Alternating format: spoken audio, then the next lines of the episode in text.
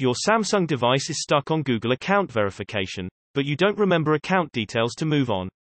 No worries.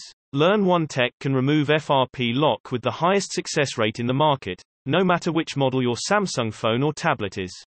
It's the only solution available that works with both Windows and Mac to help you regain access to your device easily. Please go to the www.learnonetech.com.